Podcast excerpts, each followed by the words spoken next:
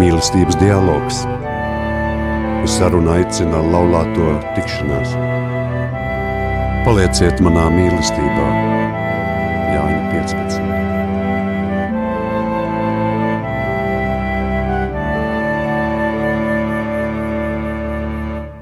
Labvakar, mīļie!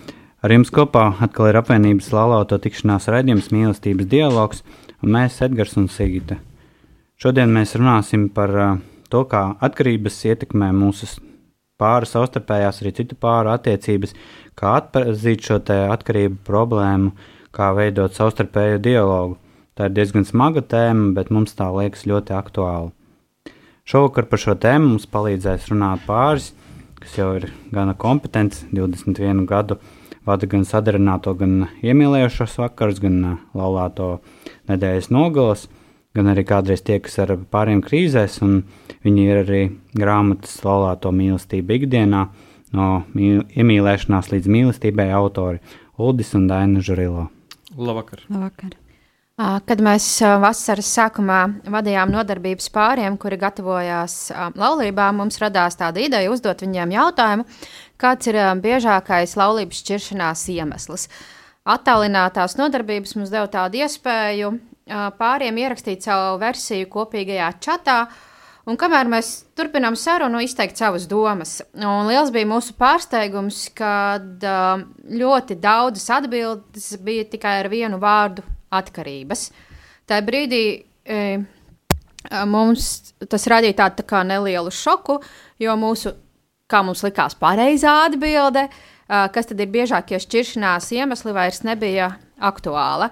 Un tad, nu, kā tad ir? Vai tiešām atkarības ir tas, kas visbiežāk izraisa laulības šķiršanos? Nu, jāsaka tā, ka dažādos mm, statistikas datos nedaudz atšķirās šie rādītāji, bet atkarības vienmēr ir bijušas pie kā, varbūt top 5 augstākajiem rādītājiem. Agrāk varbūt tas vairāk bija saistīts ar alkoholismu, tagad mainās šie atkarības veidi. Un, un tam pilnīgi nav nozīme, kāds ir atkarības veids, bet Bet nu, tās atkarības ir tagad ļoti populārs kļūst arī veipošana ļoti jaunos vecumos. Un, Dažādi mīti tiek sabiedrībā izplatīti par uh, šo veidu, bet varbūt nu, alkohols varbūt pat kļūst tā, tāds nedaudz fonā aiziet, jo cita veida atkarības kļūst arī daudz aktuāls. Bet, lai mēs eh, novilktu tos rāmjus, par ko mēs vispār šodien runājam, ka, eh, tādos vienkāršos vārdos, kas tad īsti ir atkarība? Jo, kā loģiski domājot, eh, kaut kāds viens alus svētdienā laikam nebūs atkarība, vai arī vai kaut viena cigarete un tā tālāk. Kā, kā to varētu definēt, kas tad īsti ir atkarība?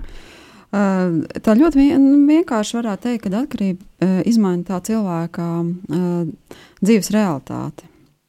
Viņš sāk dzīvot druskuļi citā realitātē, un viņam ir uh, grūti šo realitāti pieņemt. Uh, To, to realitāti, ko viņa mīļie un apkārtējie cilvēki redz, uh, salikt kopā ar to realitāti, kādā viņš dzīvo.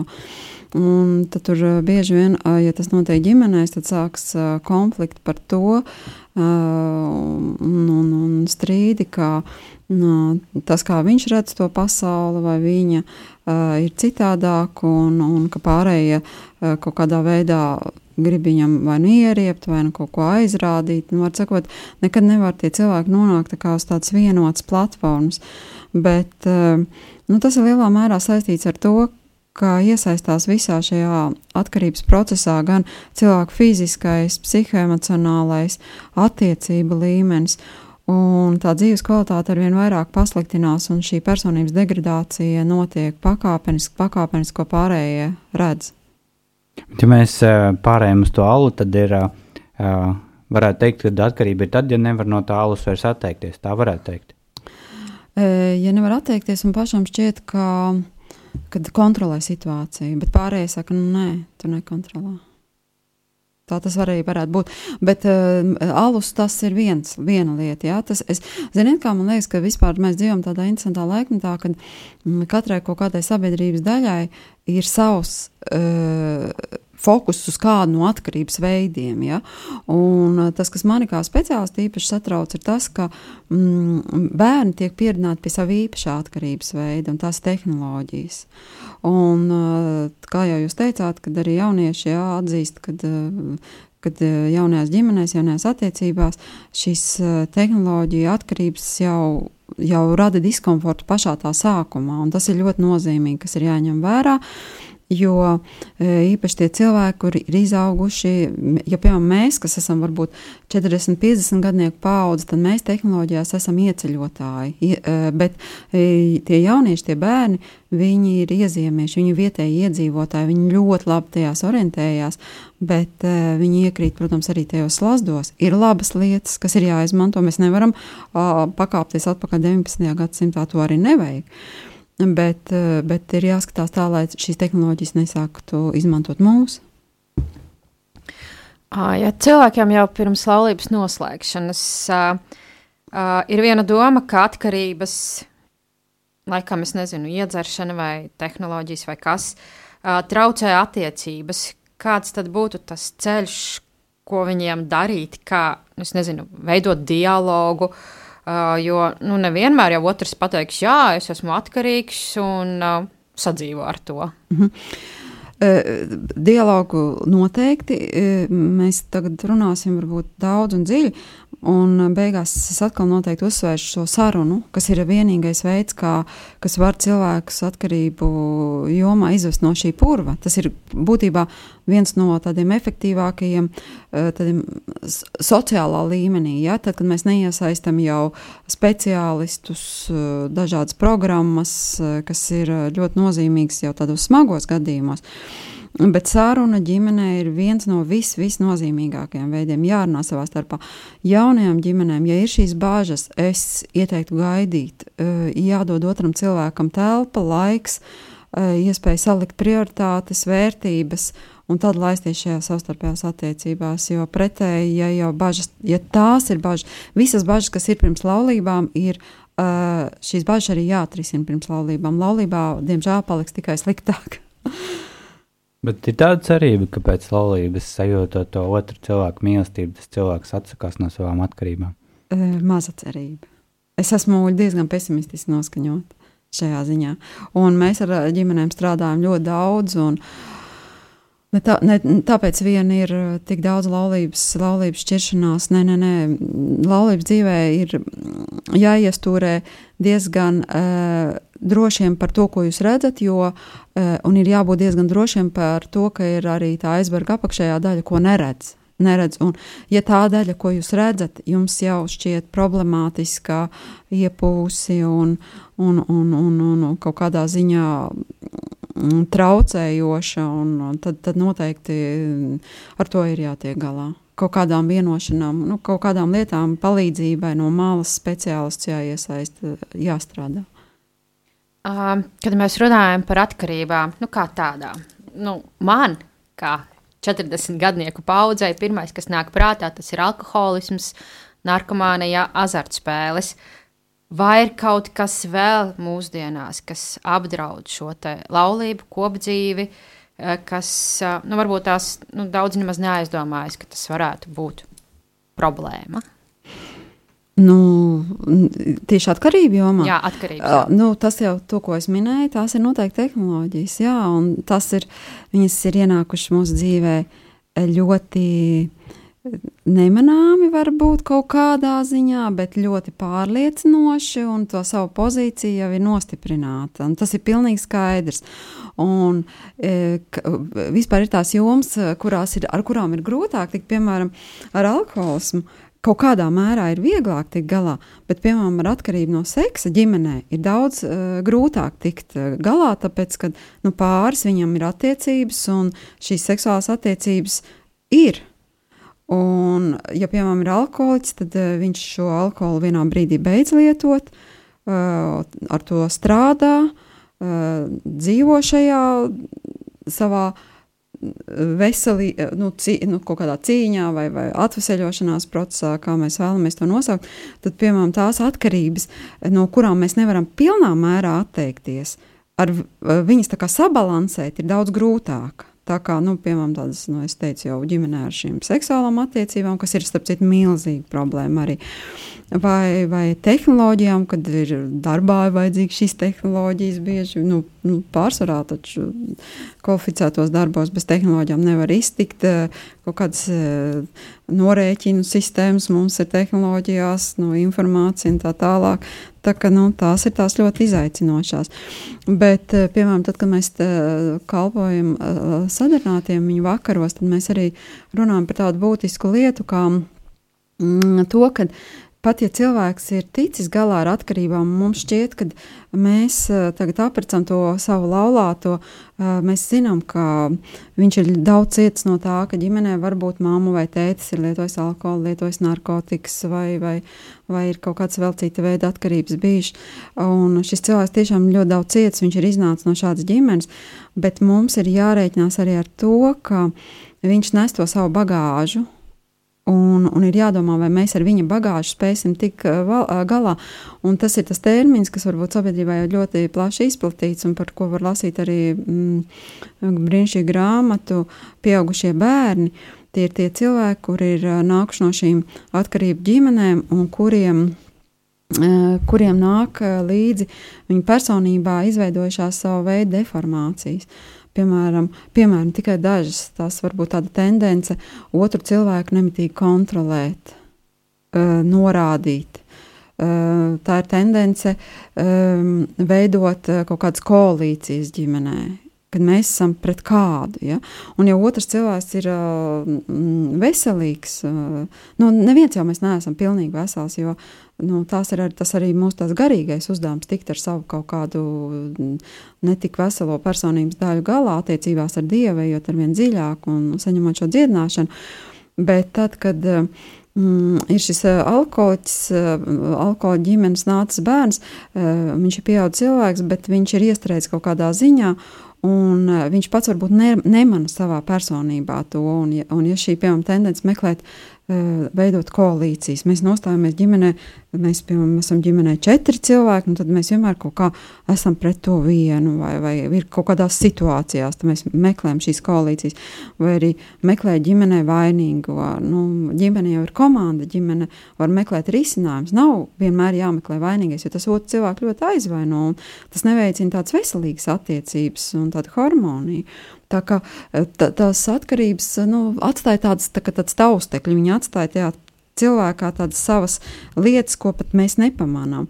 Un tas, ja mēs iztēlojamies, ka ir lustra pie griestiem, un ja lustrā, piemēram, nu, ģimenē ir pieci bērni, nu, tāda kupla skaista ģimene, un tēvs, mamma, ja, un ir šie septiņi žuburi, tad, e, ja tas viens ir tas atkar, atkarīgais, vai pat tikai kaut kāds ar ļoti deformētu bērnību, nākušu, nā, nākušu personību, no kurā ir bijuši vecāki atkarīgi, tad iedomājieties, ka viens tas žuburs, tas nemitīgi rausta to lustru, un kas notiek pārējiem žuburiem, kas notiek ar visu ģimeni, ar visu lampu, ja?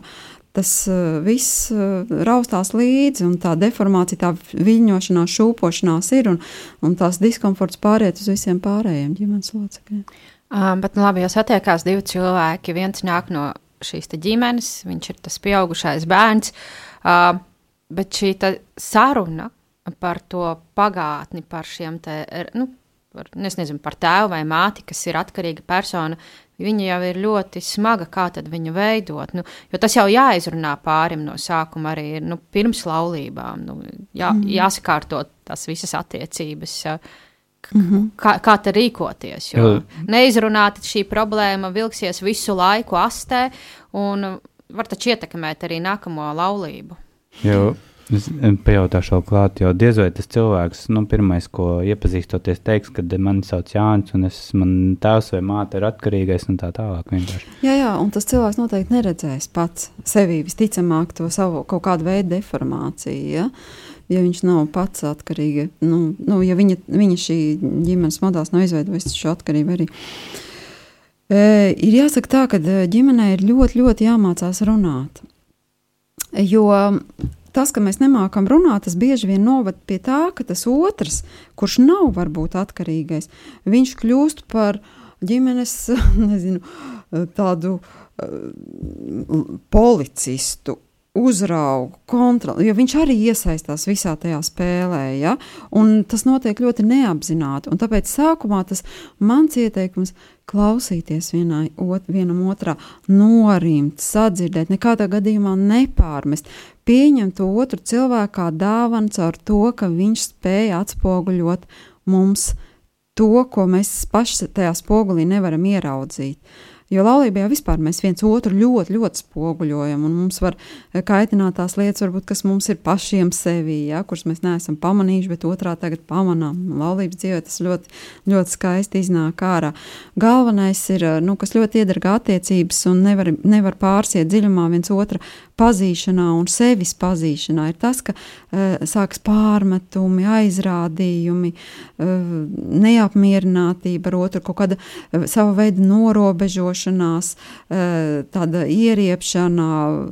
Nu, var sakot, tas viss, kas otru cilvēku vēl spēcīgāk uh, uh, ievaino un, un, un liek ierauties dziļāk un, un domāt sliktas domas un tā tālāk un aiziet tādā nelaimīgā savstarpējā attiecībā. Bet, ja mēs, ja mē, bet tāpēc jau Dievs ir savēdz šos divus cilvēkus mūs katru kopā, lai mēs viens otram palīdzētu tikai augt un pieņemt viens otru un, un kļūtu labāk šajās attiecībās.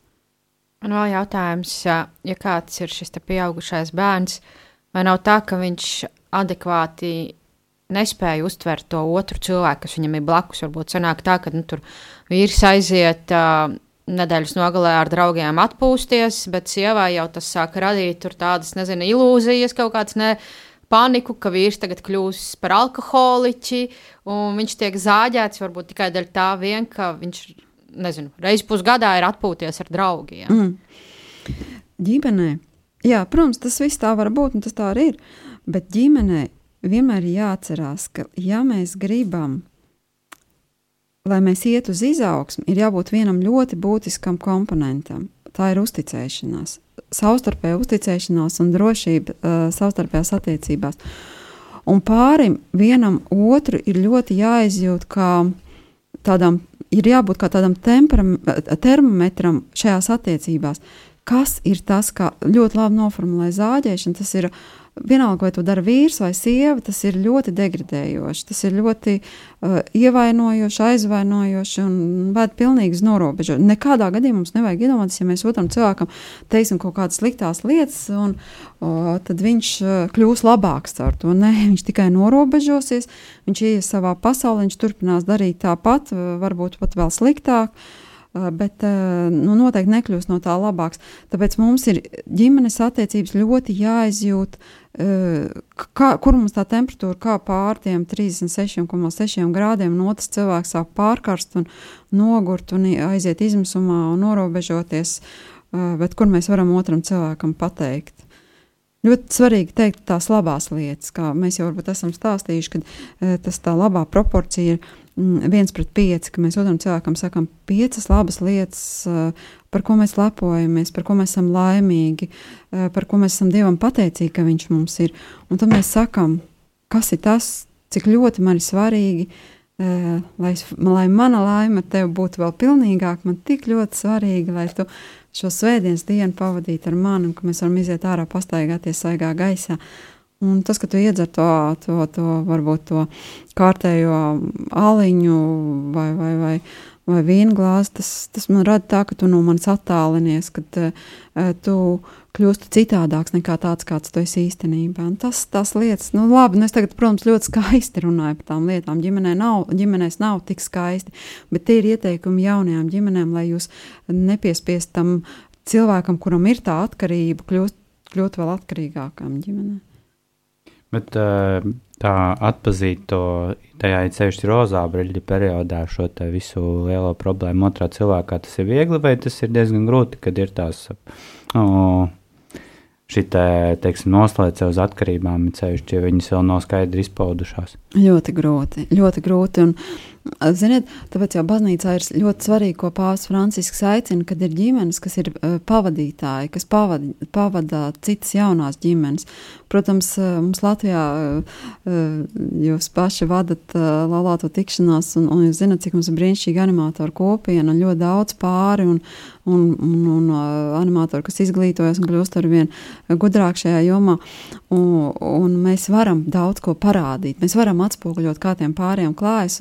Mēs ar vīru vadot, mēs ļoti bieži nu, nolasām, un, un ir pāri, kur mēs gribam pateikt, nē, nē, jums nav, jums to nevajag darīt, jums nevajag laulāties. Un pēc tam, starp citu, šie pāri nāk pie mums uh, uz konsultācijām, vairāk pāri, kur ir izmisuši, un viņiem iet ļoti, ļoti smagi. Un, un es viņiem saku, bet iedomājieties, ja tajā laikā, kad jūs nācāt sadarinātajos, mēs jums būtu to pateikuši, viņi saka, nu, jā, nebūtu dzirdējuši, nebūtu, jā, nu, tas ir tas izaicinājums. Nu, nevajag steigties, nu, vajag klausīties ar abām ausīm un abām acīm būt vaļā un, un, jā, un pieņemt to labo, kas ir iespējams pirms laulībām, uzzināt vienam par otru. Labi, mēs esam diezgan daudz jau runājuši. Tagad ir šis brīdis, kad uh, uzliksim jūsu izvēlēto dziesmu, bet sākumā gribētu nelielu tādu komentāru, kāpēc tieši šāda izvēle un varbūt kaut ko vairāk. Nu, šī dziesma patīk. Tur ir vienkārši tāda meditīva, vienkārši eh, arī tāda mūsdienīga dziesma, kur, kur tie vārdi saka, ka viss ir pabeigts, viss ir piepildīts, tad ir āmen. Es negribu teikt, ka mums viss ir piepildīts un viss ir pabeigts, bet eh, zināmā mērā tas ved uz to, ka visa šī dzīve ir izvēle piepildīta un uh, izv daudzas izvēles priekšā, un uh, ne tikai palikt atkarībās, bet Dievs dāvājis šo iespēju būt brīvībā, iet uz brīvību gan no sava egoisma, gan no savām atkarībām.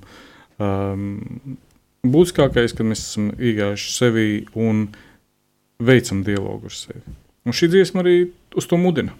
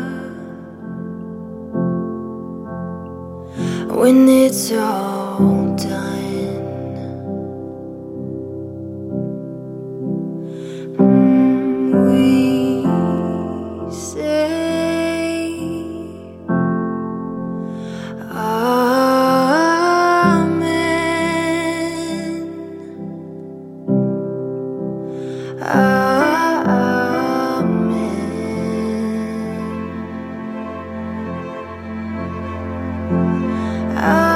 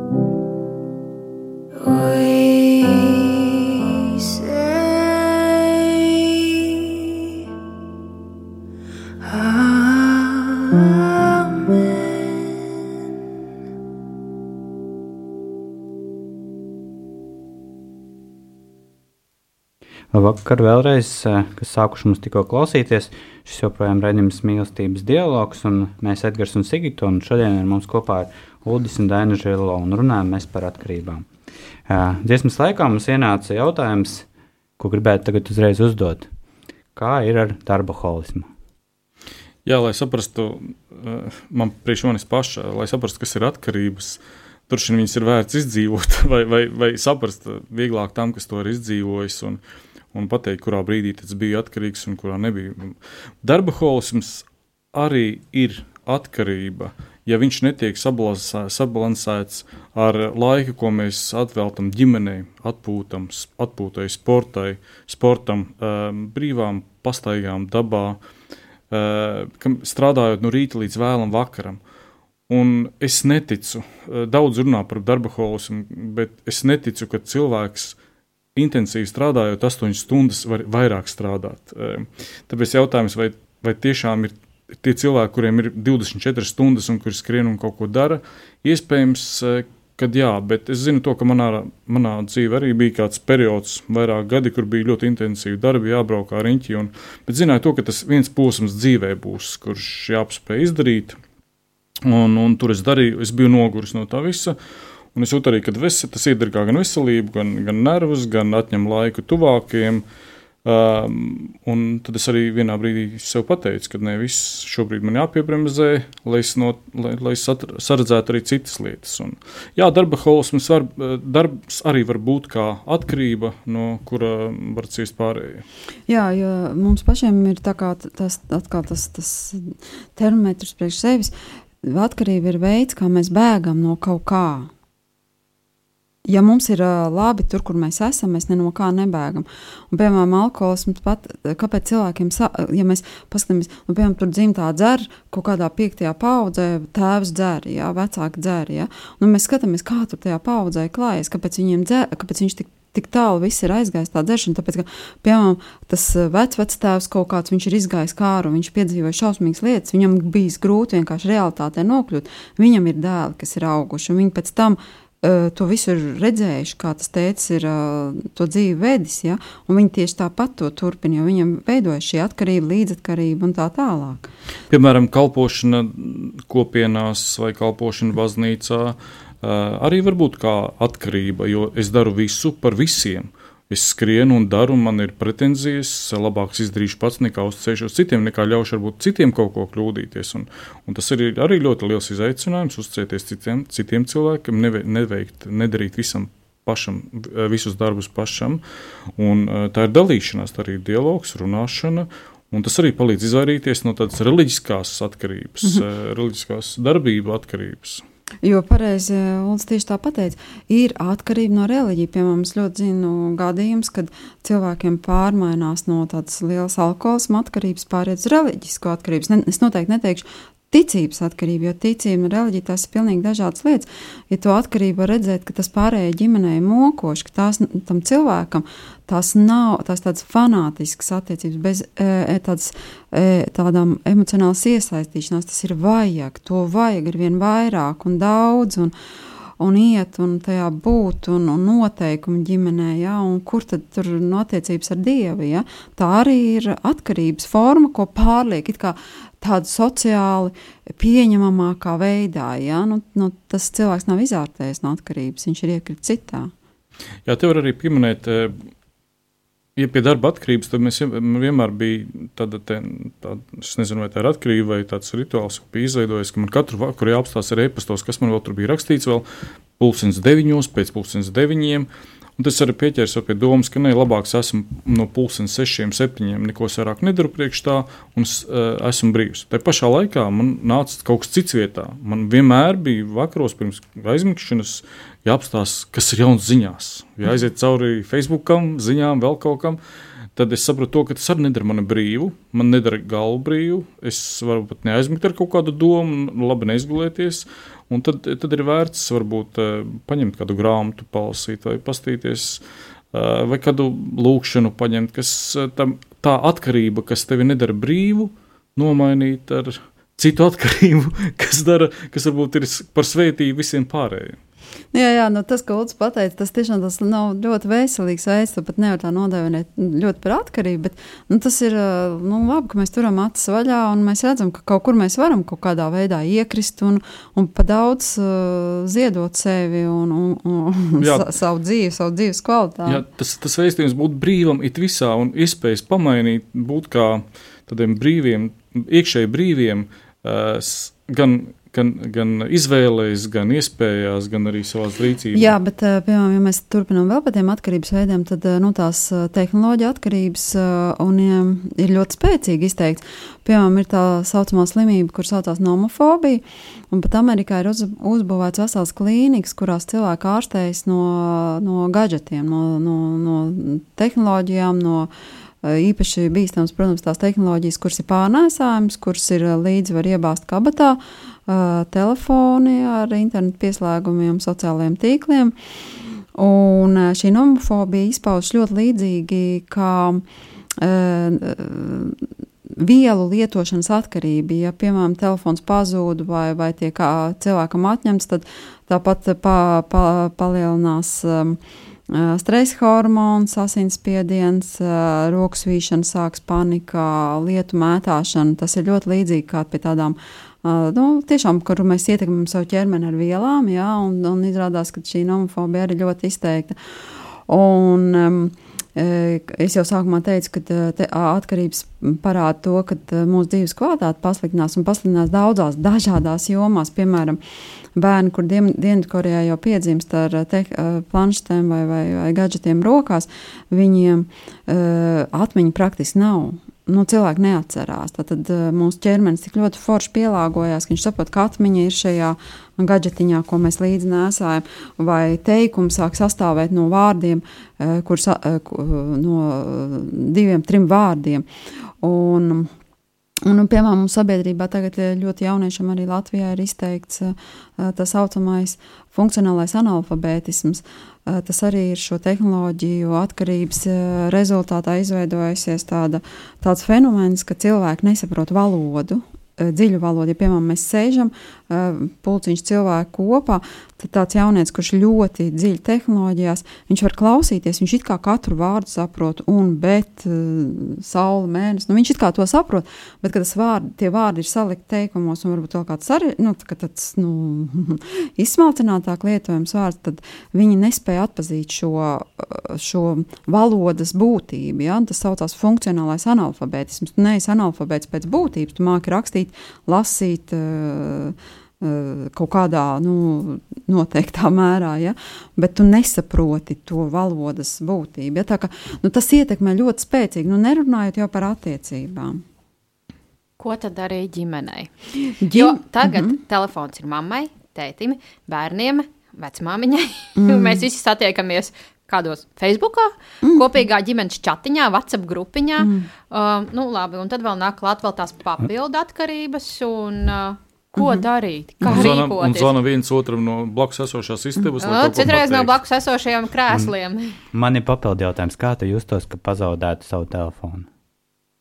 Nu, ļoti ne, nekomfortabli. Ļoti nekomfortabli. Tāpēc man liekas, man, vajag, tātad man bija sarunāta tā tikšanās, tā tikšanās, zvanīt ar tas, un vispār var sekot, es izņemot savu telefonu, nevienu citu numuru nezinu. Citu, jā, man vienreiz tā bija. Aizkrita durvis. Tas bija uh, privāti praksē pirms divām nedēļām. es izēju ārā, man tikai atslēgas rokās koridorā, un man, es nevaru atslēgt vaļā. Un tagad es domāju, tā. Man tur viss ir, telefons ir. Nu, viss var sakot, man iedzīja pat uh, atslēgas no mašīnas. Un es teicu savam vīram, nevaru piezvanīt, jo es viņam telefonu numuru nezinu. Man atmiņa nu vairs to kapacitāti neuzņem. Jā? Man, nu, visi vienmēr ir klāt, jā, telefons ir, ir klāt. Mm. Bet, eh, ko es gribēju teikt, kas ir ģimenēm noteikti jādara, vienmēr ir jāatcerās, ka atkarība iet roku rokā ar uh, robežām. Tas ir robežas jautājums. Atkarībā atkarīgā persona vienmēr ģimenes robežas pārbaudīs. Un tad ir jāskatās, cik, kāpēc ir uh, tas termins līdzatkarīgais. Līdzatkarīgais šo, ro, var sakot, savas robežas ļoti elastīgi pielāgotam atkarīgam. Tāpēc bieži vien ir, kad uh, meitenes, uh, kuras ir izaugušas tēviem alkoholiķiem, ļoti bieži uzkāpjas tā paša grābekļa un aprit to pašu uh, puisi, jo tas ir tas funkcionēšanas veids, kā viņa ir iemācījusies. Viņa ir uh, zemapziņā droši būt ar cilvēku, kurš ir atkarīgs. Un, un starp citu, tā līdzatkarīgā persona bieži var būt ļoti bīstama, jo viņa var atkarīgo personu noturēt šajā atkarības uh, ceļā, jo viņai, viņam ir ļoti bail, ka tas otrs, ja izārstēsies no tās atkarības, tad viņš nemācīs funkcionēt. Viņi nevarēs būt kopā. Ja? Tā kā pārī tas ir um, tāds nu, smalki mehānismi, ja, kas ir jāievēro. Un tad iznāk, ka tas, tas klibais ar to aklo, viņi visu laiku iet un viņi visu laiku papildina viens otru un, un, un saķērušies rociņās, jo viņi citādāk vispār nemāk veselīgā veidā funkcionēt. Bet ir ģimenes, kurās otrs ir ļoti vesels, ar konkrētām robežām, un šis cilvēks ir spējīgs otru izvilkt. Tas no viņa prasīs ļoti lielu upuru gatavību, atdošanos, ziedošanos, bet viņš tāpēc, ka viņš spē, nepakļausies tā atkarīgā robežām. Mums atkal ir pienākusi viena iz, īsiņā, un tā ir tāda sveiki. Mans topošais vīrs ir bijušais alkoholiķis. Es ticu, ka viņš vairs nekad nelietos. Viņa tēvs ir alkoholiķis, visi trīs dzīvo kopā - viņš, tēvs un māte. Baidos, ja tas degradē viņa mentālo veselību, Uh. Ar to arī īziņa beidzās. Uh, īziņa turpinās. Tātad, vai viņš kādreiz spēs izveidot ģimeni ar mani, ja nekad nav redzējis mierīgu, sirsnīgu, skaidru ģimeni, kādā es esmu augusi?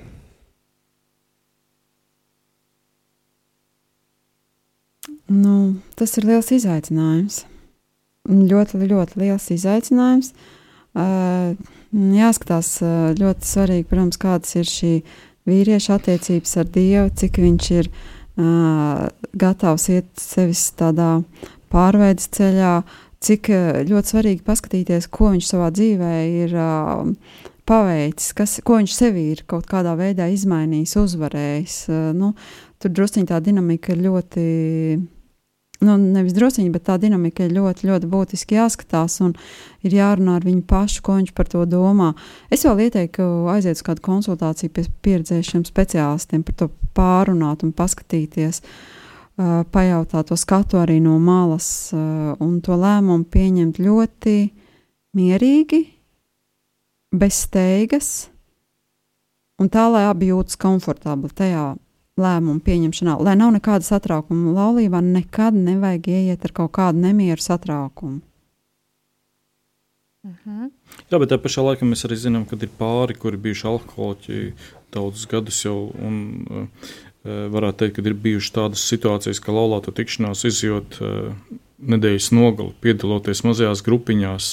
Uh, inten, nu, patstāvīgi piedaloties, cilvēki atsāk runāt, at, saprot savu, um, savu problēmu, saprot savu e, situāciju, ka nespēja sevi pieņemt, savu situāciju, kas atkal viņu varētu iegrūst e, alkoholismā, bet e, tas palīdz viņam pieņemt sevi, saprast savu vērtību, apzināties savu mazvērtību un uh, iet uz priekšu un, un, un jā, un darīt labas lietas.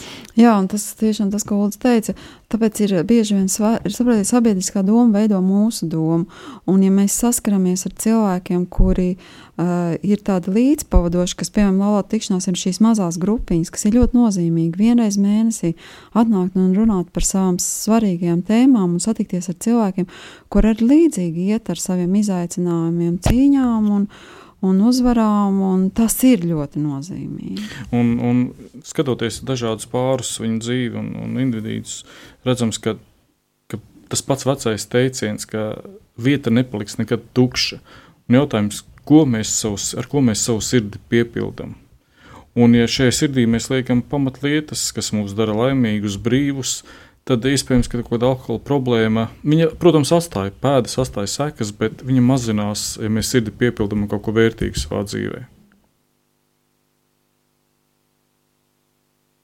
Jā, bet mēs tā arī laiks mums sāk tuvoties beigām, un tomēr mēs diezgan depresīvi runājam šo, par šo lietu, un jūs jau daļai pieskārāties tam, bet, bet gribētu dzirdēt, tomēr, ka nu, ir kaut kāda cerība mums arī runājot par šīm atkarībām, kad, kad nav viss tik traki, kad nu, gan izvēlē, ja tev nepaveicās, tad tev nepaveicās. Jā, mēs runājam nu, druskuļi no depresijas, tāpēc ka depresīvi par, nezinu, vai depresīvi, bet, protams, katrā lietā ir cerība, bet zinām to, ka tā ir ļoti liela cīņa. Un uh, zinām to, ka arī ļoti daudz cilvēku un pāri šķirās un, un, un nevar atrast savu kopējo laimīgo ceļu. Un tas tiešām satrauc. Un kaut vai viens tas pāris ir, kurš nespēja to tikt galā, tas arī mūs satrauc. Mēs um, paši mēģinam meklēt to ceļu, kā to varētu darīt. Bet uh, tas, ka ir daudzas lietas, pirmkārt jau ir kā jau es vēlreiz atsaukšos, kad ir sirds piepildījums. Un, un ir kaut kādas lietas, kas cilvēku spēj pacelt augšā no savas šīs eh, mm, cāļu stāvokļa, vistas stāvokļa, kas knābā tikai zemi. Piemēram, tagad pēdējais, eh, pēdējais kas ir baznīca, varētu tā teikt, tops, ir, ir jauns jaunietis, kurš ir tikko miris, Karlo Akutis, kurš ir nomiris kaut kādos 11 gados nesen, bet kura pamatlieta bija Euharistija, baznīca, Eh, lūkšana, un šo visu apvienojot ar, ar ikdienas darbu, pienākumiem, komunikāciju ar cilvēkiem. Tad ir jautājums, ja man ir pamats stingrs, eh, sevi izveidots, kuros, uz kā es balstos, neviens nav teicis, ka būs viegli, bet šis ir pamats Kristus baznīca, kurā es eju un ceļos un, un eju tālāk, eh, izmantoju esošās baznīcas piedāvātos uh, instrumentus, eh, kustības, asociācijas, eh, kopienas, eh, atbalstu, draudzību, tad es domāju, tam nav pamata domāt, ka cilvēks paliks viens pats neatkarībās. Jā, jā, es domāju, ka mums noteikti ir jāizmanto visas tās mūsdienu tehnoloģijas, kas, kas mums ir dotas mūsu attīstībai, mūsu labā. Uh, Bet vienlaicīgi mums ir jāatcerās, ka tehnoloģijas ir radījuši daudz augstāku prātu, kādu mēs, ja mēs piemēram pieskaitām sevi pie tādas eh, sabiedrības vidējā intelekta, ja, tad jāatcerās, ka piemēram tehnoloģijas ir radījuši cilvēki ar daudz augstāku intelektu. Un, lai nav tā situācija tāda, un, un diemžēl es zinu, ka tā ļoti biežos gadījumos arī ir, un arī mūsu katru konkrētajā dzīvē, ka tehnoloģijas sāk lietot mūsu, jo viņas ir iepazinušas mūsu būtību daudz labāk. Un, diemžēl mēs šodien nevaram pieskarties pie tik daudz interesantām lietām, ko mēs bijām sagatavojuši. Bet eh, varbūt pārdomām tikai tādu vienu, ja, vienu tādu lietu. Mm, padomāsim par to, kāpēc Tad, kad mēs, mēs saprotam, ka mums par visu šajā dzīvē ir jāmaksā, un, ziniet, mēs gribam, ja cilvēks grib aiziet uz veikalu un nopirkt to, uh, kā Edgars teica, alus podalīt, ja, viņam par to ir jāsamaksā. Bet par tehnoloģijām, par uh, īpaši sociālajiem tīkliem, jums, mums īstenībā nav par to jāmaksā. Nu, mums ir jāmaksā tāda ļoti neliela summa salīdzinoši. Tā nav, nav tāda, tāda uzmanības, varbūt pat vērta. Ja. No, ā, ir, esot, jā, Edgars jau ir vairāk tehnoloģijā zināms, ir jāmaksā. Ja, ja no iPhone vai Samsung tur ir. Ā, nu, labi, labi, nu tas par to tad ir vienreiz jāsamaksā. Neierobežots interneta pieslēgums. Jā, bet, jā, bet, saprotiet, bet par to mēs maksājam salīdzinoši ļoti maz. Bet ko mēs iegūstam? Mēs iegūstam bezgalīgu la, iespēju pavadīt šo laiku tehnoloģijās.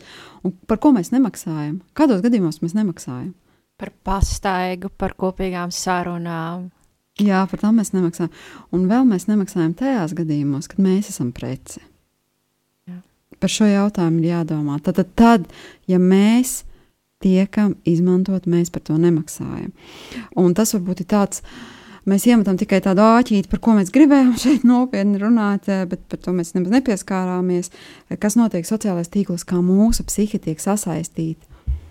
Bet um, es tomēr gribēju nedaudz arī beidzot eh, šo tēmu šoreiz. To es domāju, mēs paturpināsim kādā citā raidījumā, iekārtināsim klausītājus. Bet, bet ir kaut kāda starpība atkarīgas ticīgi cilvēki un neticīgi cilvēki šādā plāksnē skatoties? Vai ir kāds labums būt ticīgam? Runājot. Ticīgam, atkarīgam?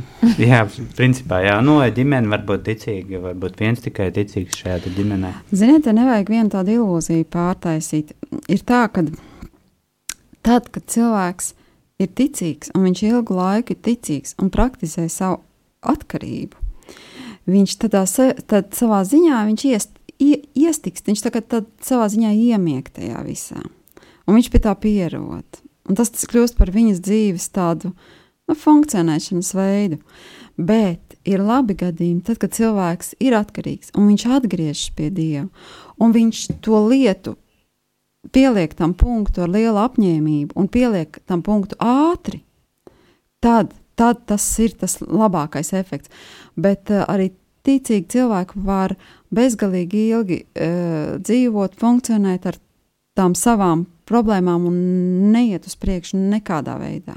Tad tas nav. Tad, tad, tad tur īsti pat nav nozīme tam. Ja? Bet, ja tas notiek ātri, jo ir ļoti svarīgi, kas mūs notur uh, pie atkarībām, arī tie ieradumi. Mēs vienkārši ierodam, ja? mums ierodam kaut katru vakaru, mums ir jāizdzer uh, tie trīs āliņi, ja? vai nu, citam pietiek ar vienu, vai nu, nu, nu, negribu tagad tur mm, kaut kādas manipulācijas. Bet, uh, ja mēs ar to tiekam galā, jā, ja tā ja tiešām ticība mums palīdz, tad, tad jā. Bet es domāju, ka, ja mēs esam tā riktīgi ticīgi un ejam patiesās at- dzīvās attiecībās ar, ar Dievu, tad, eh, tad, tad tas noteikti ir eh, nu, neatgriezniski palīdzoši. Es domāju, ka nav slikti būt atkarīgam. Ja Dievs ir labs un mēs esam atkarīgi no šī Dieva labuma, dalāmies šajā labumā, kas ir mīlestība un augstam pēc mīlestības, šī ir vislabākā atkarība, kāda vien var būt. Jā, un ļoti labi, piemēram, laulībā būt atkarīgam arī kaut kādā ziņā no otra cilvēka, no viņa mīlestības, no viņa klātbūtnes, no viņa uzmanības.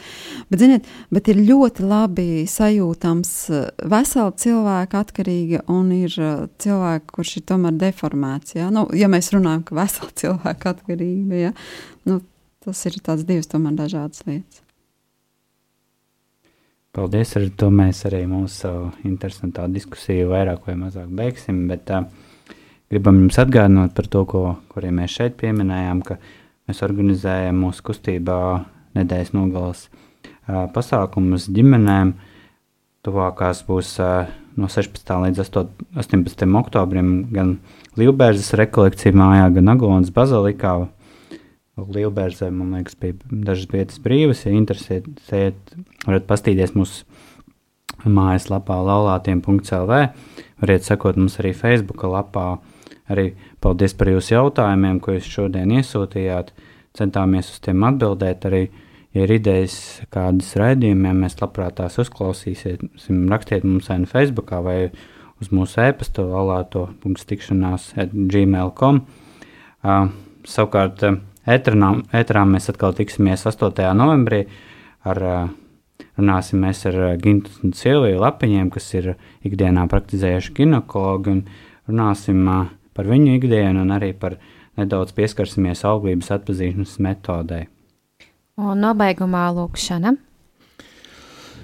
Kungs, Jēzu, lūdzu tev dialogu dāvana mūsu laulībai. Palīdzi man uzmanīgāk uzklausīt manu sievu. Palīdzi mums labāk vienam otru saprast, palīdzi mums dalīties un visam pāri palīdzi piedot. Dāvā mums delikātumu un lēnprātību mūsu sarunās un dari, lai, būtu, lai tās būtu patiesas tikšanās vienam ar otru un ar tevi. Palīdzi mums arvien pilnīgāk pieņemt un akceptēt vienam otru, veidot vienotību, kurā katrs no mums paliek pats. Lūdzu tevi dziedināt visus grūtos jautājumus, kas mūs atdala, ļauj mums priecāties mūsu laulībā un palīdz mums vienmēr palikt tavā mīlestībā. Amen. Paldies jums un esiet tikai pozitīvi atkarīgi no Dieva žēlastības. Paldies!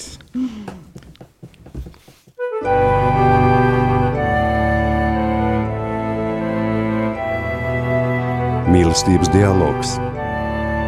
Uz sarunu aicina laulāto tikšanās. Palieciet manā mīlestībā, Jāņa 15.